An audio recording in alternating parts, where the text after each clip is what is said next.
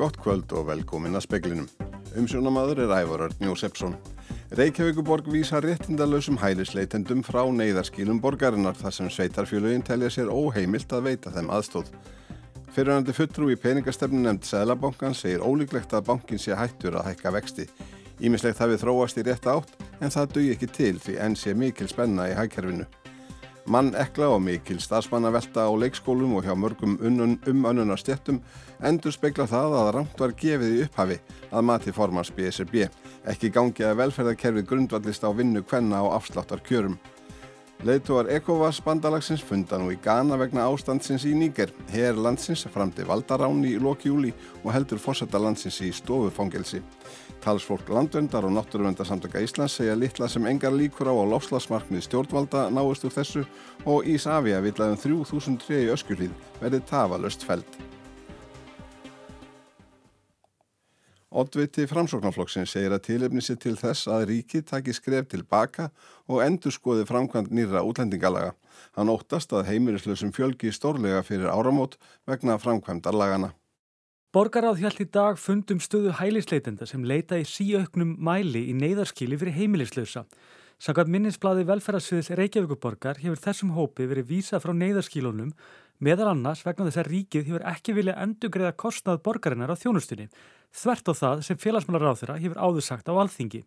Einar Þorsteinssoni, formaður borgaráðs. Á grundvelli lögfræði eh, áleits og, og svona þessara stöðu sem eru uppi eru, þá hefur þessu fólki verið vísa frá gistiskílónum. Lögfræði áleitið sem einar vísa til er minnisblad sambands íslenskara sveitafélaga sem segir sveitafélagum hvorki skilt niður heimilt að aðstofa þennan hóp þráttur að félagsmálar á þeirra hafið áður sagt að sveitafélagunum sé frjálst að nýta félagsþjónusturlögin til þess að hjálpunum. Það er fundur á morgun og ég vonast til þess að, að hann leiði af sér einhverjar ákvarðanir sem að þannig að það verði hægt að grípa þennan hópa því það gengur ekki að hann sé á gödunni. Og einar segi fyrir séð að vandin eigi aðeins eftir að dypka ef lögin verða ekki endur skoðuð. Það er fyrir séð að nú eru 40 manns uh, á gödunni, bara fyrir áramót verður þessu hópur árið miklu miklu stærri. Þannig að ég held að sé tilipni fyrir ríki til þess að stíga aðeins skref tilbaka og uh, endur skoða framkvæmt þessara laga sagði Einar Þorsteinsson. Valur Grettisson tók saman. Fyriröndi fulltrú í peningastefnu nefnd Sæðlabankan segir ólíklegt að bankin sé hættur að hækka vexti. Ímislegt hafi þróast í rétt átt en það dögi ekki til því enn sé mikil spenna í hagkerfinu. Vextir eru hækkað til þess að draga úr þenslu og þar með verðbólgu. Hækkunaferli vaksta hófst vorið 2021 og stendur sennilega ennum sinn. Peningastefnu nefnd Sæðlabankans kynir vaksta ákvörðun í næstu viku. Katrín Óláfsdóttir, dósent við Háskólinni Reykjavík, er fyrirverandi fulltrúi í peningastefnu nefnd. Verðbólgan hefur lækkað tölvert síðustu mánuði en það er kannski ekki alveg útlitt fyrir að hækki mikið meira á næstu mánuðum. E, krónan hefur staðist bara þó nokkuð vel og svona staðið af sig þennan storm. E, hins vegar á móti kemur og það er náttúrulega öflugur hagvöxtur og það er lítið atvinnuleysi sem að bendir til þess að það sé mikil umsvef í hagkerfinu. Katrín bendir á að verðbolga í nákvæmlega sé að lækka, innflutt verðbolga lækki af þeim sökum. Og lífverð hafi verið nokkuð stöðugt og verð á húsnaði hækki ekki lengur. En þótt ímestlegt bendi til minni þenslu horfir peningastefnunend ekki síðu til næstu missera þegar hún gömgefir breytingu á vöxtum. Hvers sé að vænta. Það er svona ekki útlit fyrir uh, lækkun á næstunni myndi ég segja, uh, frekar að það vera aðeins, aðeins bætti sagði Katrín Ólafsdóttir. Benedikt Sigursson tók saman. Leittóar vestur Afrikuríkja funda nú í Ghana um mögulegar aðgerði vegna valdaránsins sem frami var í Nígeri í lóku júli. Leittóar viða um heimvilja friðsama lausna á ástandinu. Leittóar Ekovas hafa ákveðið að virkja viðbraðsveitir bandalagsins til að koma á reglu að nýju í Níger. Þískaland hefur óskað eftir að Evrópusambandið beiti sér og hef ég refsi aðgerðir gegn leittógum herfóringina í Níger. Í yfirlýsingu frá utanríkisraðuniti Þískalands er hvað til friðsamlegra staðbundina lausna. Ekovas hefur lagt efnhagsþinganir á nýgar. Frakland, Þískaland og Bandaríkin hafa öll dreyið úr hjálparstarfi sínu í landinu. Leðtógar Ekovas krefjast þess að forsetta nýgar Muhammed Basum verði sleft úr haldi. Hann hefur verið í haldi herfóringja frá valdaráninu 27. júli. Herfóringjastjórnin hyggst kæra Basúm fyrir föðurlandsvik og fyrir að grafa undan öryggi landsins. Saminuðu þjóðurnar hafa varað við því að ástandið geti haft slæm áhrif á fæðu örugi í landinu. Níker er eitt af fátækustu ríkjum heims og eru ríki kvött til að draga ekki úr hjálparstarfi. Ástrós Signíadóttir sagði frá. Yfir maður sorphyrðu delta Reykjavíkur veltir því fyrir sér hvað teljist eðlilegt heimilissorp og hversu miklar kröfur sé hægt að gera til sorphyrðu sveitarfélaga. Nökrar hafa verið á innleiðingu nýs sorpbyrðukerfis og sumstaðar hafa ný, nýjar tunnur fyrir pappa og plast ekki verið tæmtar í sex vikur. Við erum eh, núna í dag bara á mjög góðu róli. Eh, við erum nánast full mönnuð og bílarnir eh, hérna, þokkalega heilir hjá okkur. Þetta er nú úrgangur sem að lyktar ekki sko og við erum með kerfi hérna endurvinnslustöðvar og grendastöðvar sem mögulega er hægt að nýta sér og þegar við leggjumst öll á eitt og þá eigum við að geta list þetta. Kerfið er uh, að fara af stað en mér sýnist þetta hafa bara verið, verið hérna, vel undirbúið. Það er náttúrulega, þetta er stort verkefni, sérstaklega hér á, í, í borginni. Segir Alli Ómarsson hjá Sorpirður Reykjavíkur. Hann segir samfélagið það var breyst og spyr sig hvað geti talist eðlilegar skildur sveitarfélaga. Ég hef verið viðlóðan í þetta þennan málaflokk í tíu ára og sé að, að úrgangur er að aukast umbúðir er að aukast. Í tunnurnar er að fara efni sem ætti að fara í raun og veru inn á endurvinnslustöðvar. En á ekki allt sem fellur til á heimilum að fara í þessi ílót? Ég hefði spurt mig að því sko hvort að annað en nöðsynja, umbúður utan á nöðsynja veru ættu að fara þessa leið. Við erum að sjá umbúður utan af húsgögnum, sendingum, ímiskonar, gjafavöru og öðru slíku. En er hægt að leggja svona mikið á neytendur? Þeir þurfa að flokka lífrænt og pappa og plast og þar að líka auka ferðir á sorpu? Stuttasverði já. Sæði Alli Ómarsson. Arnhildur Haldunadóttir talaði við hann. Innanlandsvið Ísafja vil að tæplega 3000 tré í öskulíð verið tafalist feld eða þau 1200 hæstu, svo flugöryggi sé ekki ógnað. Borgaráð tók erindi til umræði í dag. Formaður borgaráð segir þessi mál hafa verið í góðum farvegi eða viðkennin að það komi honum á óvart hversu mikinn skó í Savia vilji riðja. Öskulíð er á náttúruminjaskrá og þar eru mörg af eldstu trjám borgarinnar. Ef krafa í Savia nær framaganga verður um það bíl helmingur eldsta og hæsta skóarins í Öskulíð hokkin niður. Beinir fyrir nú í ferli, segir Einar Þorstinsson, formaður borgaráðs. Þykir okkur ekki öllum væntum tré og náttúru og hafa hér græn svæði og þetta er borgargarður skilgreindur í aðalskipulagi. Þannig að eh, ég held okkur þykir nú flestum væntum öskullíðina út frá þeim sjónamöðum og auðvitað spila lofslagsmálinn þar inni. En e, e, krafan er, er þessi að fella skógin og tökum bara á henni formlega og, og vinnum þetta faglega. Seirun Björk Jakobsdóttir, framkvæmtastjóri Ísafja innanlandsflugalla, segir að það sem vakir fyrir Ísafja sé að vekja aðtikli á ógn við fluguriki. Erindið sé sendið þeim tilgangi að vera upphafað samtali millir Ísafja og borgarinnar til að finna farsala lausn á málinu. Aðflugið sé of bratt. Og við erum líka að hugsa næstu ár þegar að fósfarsbúum kemur til framkvæmda að þá kemur kranarskóður þar í aðflugstefnu söður norðurbrautarinnar og þá erum við tvær brautir sem eru orðnar svolítið hæfnar á Reykjavík-flugulli. Já, þetta er einn alltjóða reglu sem við hlítum, varandi hindranir í nákvæmlega flugalla. Hún segir að hægt sé að planta nýjum trjám í stað þeirra sem eruðu felt. Seinvöksnu íslensku byrki eða, eða reyni við öðrum trjátegundi og það fjarrir því að það er okkar ásetningur að, að eigðirleika eitthvað þetta stórkoslega útvestasæði sem öskilíðin er sagði Sigrun Björk Jakobsdóttir. Ari Pál Karlsson tók saman. SEPO, sænska leinithjónastan, hækkaði morgun viðbúnaðastigi í landinu vegna hriðiverka ógnar. Tíðar Kóran brennur í Svíþjóð hafa vakið mikla úlvúðsumstaðar í miðausturlundum og fyrir vikunum lístu Al-Qaida hriðiverka samtökin yfir stríði við Svíþjóð og Danmörku. Það sem Kóran brennur í mótmálaskinni eru einnig reglulegar. Sænska leini þjónstan telur ekki lengur aukna hættu á hriðiverkum í landinu heldur mikla hættu, saði talsmaður hennar á bladamannafundi í morgun. Á hverju hausti verður umræða um mönnun, leikskóla, grunnskóla og frístundaheimila hávar að óglemdum mönnunavanda í ímsum helbriðs og ummönnunastjættum. Sonja Ír Þorbergsdóttir formaði BSRP segir laungu vitað að laun þeirra sem starfa á leikskólum séu lág og ekki samanbörðar hæfið störf sem ættu að vera jafngild á vinnumarkaði. Manneklan valdi því líka að álægið á starfsfólk sé mikill og dagarnir langir. Það hefur líka verið bent á, það er auðvitað misjant eftir sveitafjölu, en húsnað er oft úr sér gengið. Það er ekki nægilega góð hljóðvist, það hefur komið upp miklu vandamál Þannig að við erum að tala um það eru kjör og starfsaðstöður eru svona megin vandin í þessum efnum og svo þegar er eins og núna, er lítið atvinnleysi að þá þetta leita fólk bara í önnu störð þar sem að bæði kjörin og, og starfsöngur er betra. En hvað er þá til ráða? Það hefur verið viðvarandi verkefni stéttafélagana að bæta kjörin.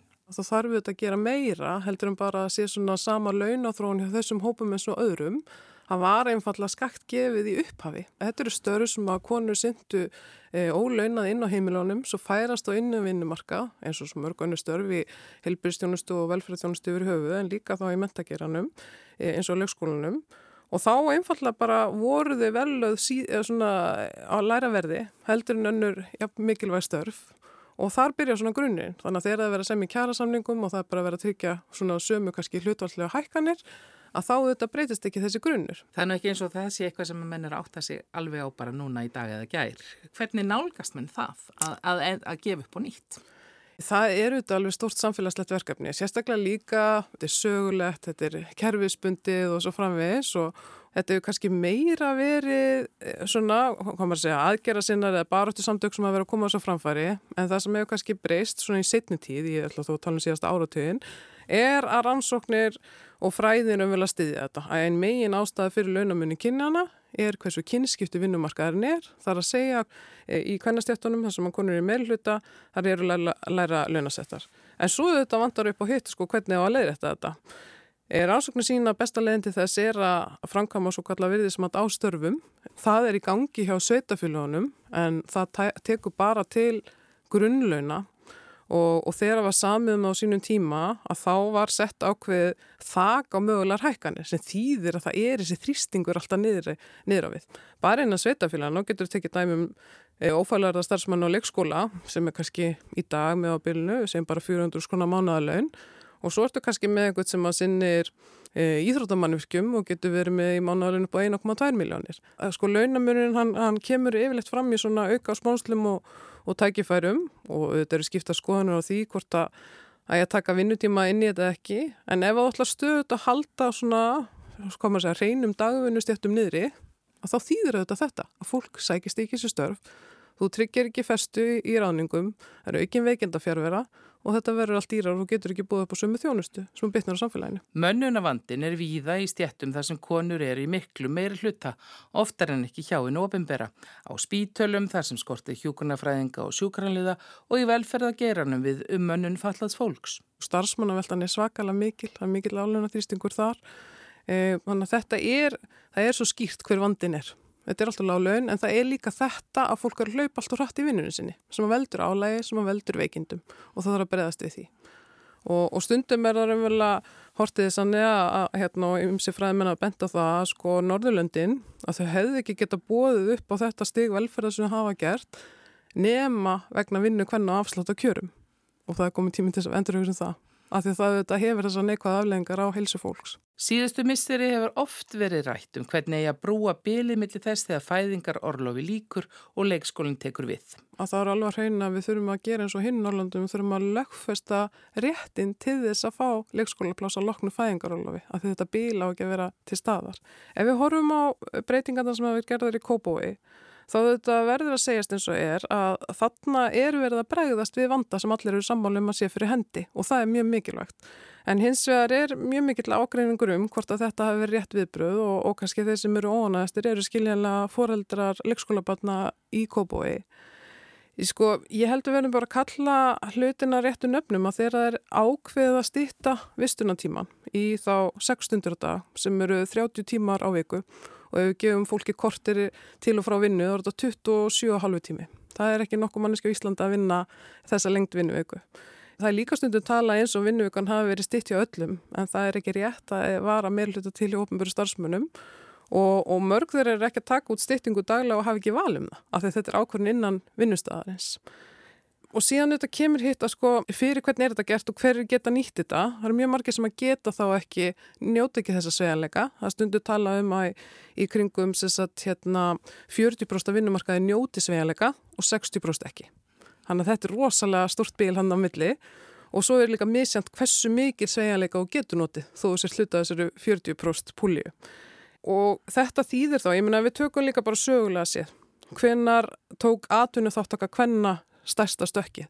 það var þegar leikskólanin komið til, eiginlega nánast fyrir öll börn, eh, hann er í kringum hvað, 93-4 og það var það frá tveggjára Þetta mun vafalust hafa þau áhrif að það verða frekar konur sem að draga úr vinnunni sinni til þess að vera heima með börnunum. Það þýðir þá lærri tekjur, það þýðir aukning á hlutastörum. Það er nú þegar þriðjungur kvenna á íslensku vinnumarka í hlutastörum og megin ástæðan er ábyrð á fjölskyttinni sem að auðvitað leiði líka til launamenn að kynjana og, og svo framvegs.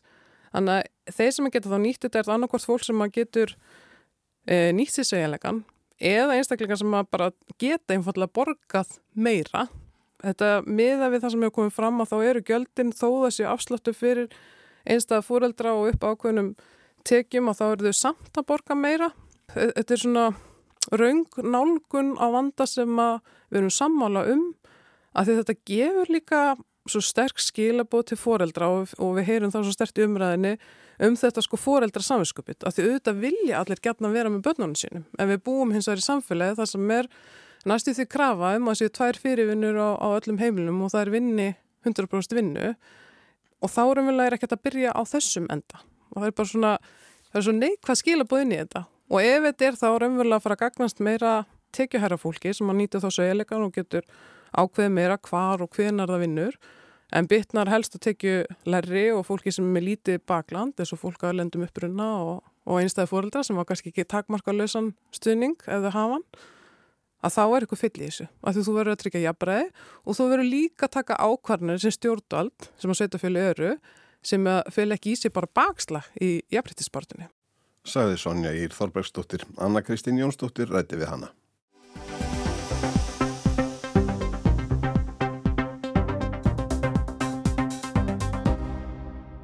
Í stjórnarsáttmála ríkistjórnarinnar segir að markmiði sé að Ísland ná í kólefnis hlutleysi og fullum orkusskiptum eigi síðar en 2040 og verði þá óháð í arðefna elsniti fyrst ríkja. Lósun gróðurhúsalóftegunda hefur hins vegar aukist hér á landi síðustu ár. Um næstu mánaðamót er vonu á bráðabyrðatölum um losun Íslandinga á gróðurhúsaloftegundum á síðasta ári. Jóhanna Vigdís Hjaltadóttir spurði Árna Finnsson, formann Náttúruvendarsamtaka Íslands, hverju búast með við í þeim efnum. Það maður búast við ennleitni hækkunni í losun frá COVID-tjömbilinu og frá því markmiði sem Íslands stjórnvöld hafa sett sér. Og þetta ræði ég því að innflutningar á ólíu og bensíni eikst þriði ári röð. Hvað er til ráða? Það verður að ná tökum á þessari aukningu í kaupum á, á bensín og dísilbílum og það þarf að flýta banni við innflutningi á bensín og dísilbílum. Það er 28 til dæmis, 2028 vegna þess að við þurfum að losna við þessa mengandi bíla af göttunni. Heldur að það eh, verði markmið sem stjórnvöldum minni setja sér? Þau verða einhvern veginn að ná tökum á svo stæsti pósturinn er vegasamgöngur. Síðan er það náttúrulega fiskiskipaflottin sem að siglir langt norður í höfð þess að fiska makril. Það er landbúnaður, það er úrgangur, það er öllum þessum frontum verður ríkistjóðin að grípa til rástæðan. Og standa við það sem kemur fram í aðgerra állin frá 2020. Þetta, þessi þróun er þvert á þá állin og þau markmið sem þar eru sett. Þannig að þú telur að þau markmið sem ríkistjóðin hefur sett sér séu ekki að nást? Við erum að fara frá þeim eða frekar en nærðum. Um, heldur þú að markmiðum rafbílavæðingunni að óbreyttu náist? Það er þetta flytinn fleiri rafbíla en, en ef það er flytinn líka mikið af bensin- og dísilbílum og sem eru þá ennþá göttinu líka gamlir bílar þá gera fleiri rafbílar ekki nógu mikið gagn. Hlutfalli verður ekki nógu hátt. Þannig að rótakustu aðgerðina núna væru að flýta banni á innflutningi á bílum, dísel og bensínbílum? Já, að herða taktin í að, að byggja upp reynar almenningssamgöngur. Það er mjög mikilvægt. Sæði Árni Finnsson. Ágústa Þóra Jónsdóttir var að formaða landverndar segir litla líkur á að markmiðið um kólefnins hlutleysi og full orkuskipti ekki setnaði 2040 náist úr þessu. Það er ennþá verið að selja bensínbíla og bensínbílar eru í, í flótanum að meðaltali 17 ár og ef við bætum við 17 árum við í dag þá erum við komin 2040 og við erum ennþá að selja bensbíla þannig að þessir bílar verða áfram. Skipaflotun okkar, hann er líka, ég meina að meðaltali er, er hvert skip 40 ári í flotanum og með að við það þá erum við ennþá með ólíu á skipum árið 2040 og svo erum við að selja ólíu á, á flugvilar og það er ekki komna neinar slíka flugvilar í flotan og ekki heldur skip þannig að það er rosalega ólíklegt að þetta sé að fara að gerast. Er, er einhver leið til þess að ná þessum markmiði? Þar sem er vilji er leið. Það þarf bara að taka hlutina alveg rosalega alvarlega. Alveg svo ef þetta væri einhver sem er lífshættulegt, þá myndum við, ef við værum að deyja undan þessu, þá myndum við taka það alvarlega eins og við gerðum með COVID. En við erum ekki að taka þessu svona alvarlega eins og þarf. Þannig að við erum svona meira bara að fresta og hugsa bara neina þetta rettast. Manni finnst einhvern veginn það kannski vera svolítið hugafarið. Þetta bara rettast og við erum vöna að geta vaksið út úr vandamælum með því bara að vinna meira, vera dugleiri. En þetta er ekki vandamál þar sem við getum bara vaksið út og verið dugleiri. Við þurfum virkilega að horfa öðru sig á hlutina og ódýrasta leiðin er að hugsa hvað erum við að gera, getum við kannski sparað, getum við gert eitthvað minna af einhverju og við hjá landvend sko, við viljum fyrst og fremst sjá aukna áherslu á almenningssamgöngur. Þannig að þú getur valið að nota almenningssamgöngur í staðin fyrir að kaupa engabílin, af því það er rosalega áherslu á fjárfæstingu fyrir engabílin og fyrir flug en við viljum sjá miklu meiri fjárfæstingar í almenningssamgöngum almenningshagsmunum. Bættar almenningssamgöngur duga þó skamt einar og sér ef lofslagsmarkmið stjórnvalda eigaða nást og þótt margir vilji forðast allt sem heitir bóð og bönn í lengstu lög þá spyrja aðrir hvort hjá slíku verði komist í ljósi aðstæna. Ágústa útilokkar ekki bóð og bönn en bendir á að það geti líka hjálpað að afnema sumlög eða undanþáur frá þeim. Það, mér finnst eitt áhugavert þegar ég fór að skoða sko olju nótkun og, og hérna fiskiskipaflótan að þeir til dæmis eru undanþegnir kólefnagjaldi sem að aðri þurfa að greiða. Og það finnst mér svolítið áhugavert. Það er ekki verið að, hérna, að nota það úr kólefnagjald á það til að reyna að minka oljunotkun það er í dag, er bara staðan svo að það er einhvern veginn ekki komnar almenna lausnir fyrir fiskiskip þannig að, þannig að það vantar svolítið í tæknina verist vera og þannig að það er erfitt að segja fiskipaflótunum að fara bara yfir í eitthvað sem er umhverfisvætna þegar það er ekki til lausnir fyrir það. En það þarf náttúrulega að finna þessa lausnir og innlega það. Það eru ákveðna lausnir en þetta er alltaf svolítið svona tilruna stíi. En ég held bóð og bönn myndu hraða þessum lausnum að gerast. Af því, því það er ekki nóg mikil svona... Já, það er ekki nóg mikil áhersla á að þetta eigi að gerast og þetta þurfa að gerast hratt og strax. Líftími skipa mælist í áratögum. Góð ending er mikil kostur út frá umhverju sjónamiðum en á móti kemur að ný skráð ólíuknún skip muni halda áfram að brenna ólíu langt fram yfir 2040 þegar Ísland á samkvæmtu áallun stjórnvalda að vera orðið óháði að efna elsneiti fyrst ríkja í heiminum. Sem fyrir segir verður bannaða nýskrá bíla sem ganga fyrir jarðefnaðsniti frá og með árunni 2030. Væri ráðað innlega eitthvað svipað fyrir skipaflótan? Það er allt hægt er viljina fyrir hendi og ríkistjónin hefur ekki, þetta eru náttúrulega svakalegir hagsmunir í húfi og þetta er okkar, veist, þetta er einn af okkar grundvallar yðnaði, sjárutvegurinn. Þannig að maður verður náttúrulega að gera það í samfunnu við yðnaðin sem slíkan og þeir verða svolítið, það væri rosalega flott ef þeir væri, myndu taka svolítið meira af skarið sjálf, sjálfur og, og vera svolítið í farabróti. Vist, við erum með sjálfbara fiskveðar, við erum ekki, að, vist, við erum ekki að með ágang í stopnana, það væri mjög fallegt ef að, innan myndi líka sjá tækifæri í því að vera með sjálfbæra orkunótkun og Já. flota, Vist, ekki bara hérna stopni. Sæði Ágústa Þóra Jónsdóttir.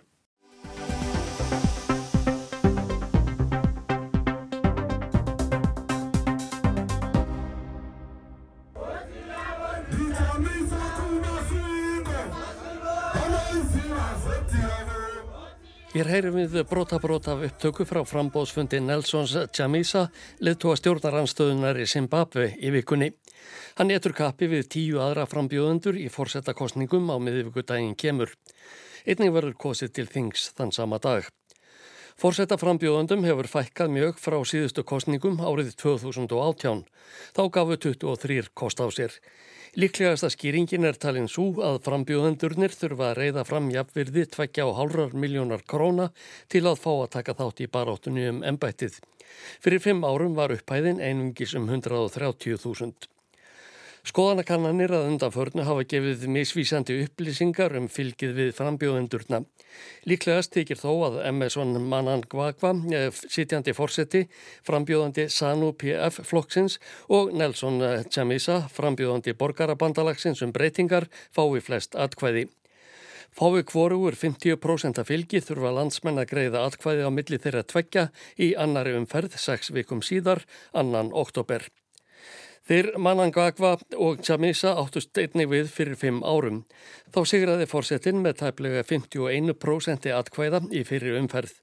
Chamisa bauð sig þá fram fyrir stjórnaranstöðuflokkin Líðræðisbandalagið MDSC. Tveimur árum síðar svifti domstóli Harari hann leðtúa hlutverki flokksins og bannaðunum nokkur afskipti af fjármálum flokksins. Chamisa stopnaði borgarabandalagið um breytingar í fyrra. Flokkurinn hefur á skamum tíma tryggt sér mikið fylgi, engum í borgum og bæjum. Stjórnarflokkurinn, SANU PF, hefur verið óslitið við völd frá því að Zimbabwe hlaut sjálfstæði frá Breitlandi árið 1980. Hann sækir fylgi sitt engum í dreifbilið. Manangvagva hefur verið við völd frá því að herr landsins brast þólinnmæðina og setti af Robert Mugabe fórsetta til 37 ára þá 95 ára að aldri. Efnahaugur Zimbabwe var þá í rúst og óða verðbolga slík að annað eins hafði vart sérst eh, til þess tíma. Margir vonuðust til þess að ástandið eftir eftir að batna með nýjum leðtoga en svo hefur ekki orðið raunin. Síðustu þrjú ár hafa verið einnin erfiðustu í áratug fyrir almenning í landinu. Verð á lífsnöðsínum hefur stöðugt hækkað. Á einu ári, frá því í mæ í fyrra til sama mánadari ár, nam hækkunin til dæmis 86,5%. Virði Zimbabwe dólarans er írnaði um 86% frá áramótum fram í júni. Landsmenn neyta að nota eigin gjaldmiðil og svartamarkas brask með bandaríkjadólara er því umsvifa mikið í höfuðborginni Harari og víðar. Einn afliðing þessa alls er að vændi hefur farið vaksandi í landinu undan farin ár og heilbreyðis ástand hefur farið vestnandi síðastliðið ár. Tríðjungur þjóðarinnar er talinn vera við hungurmörk og fjórðakvert barn undir 5 ára aldri er vann nært.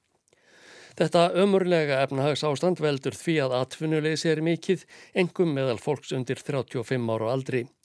Um 70% landsmanna eru einmitt á þeim aldri að sogna rautars frettastofunar.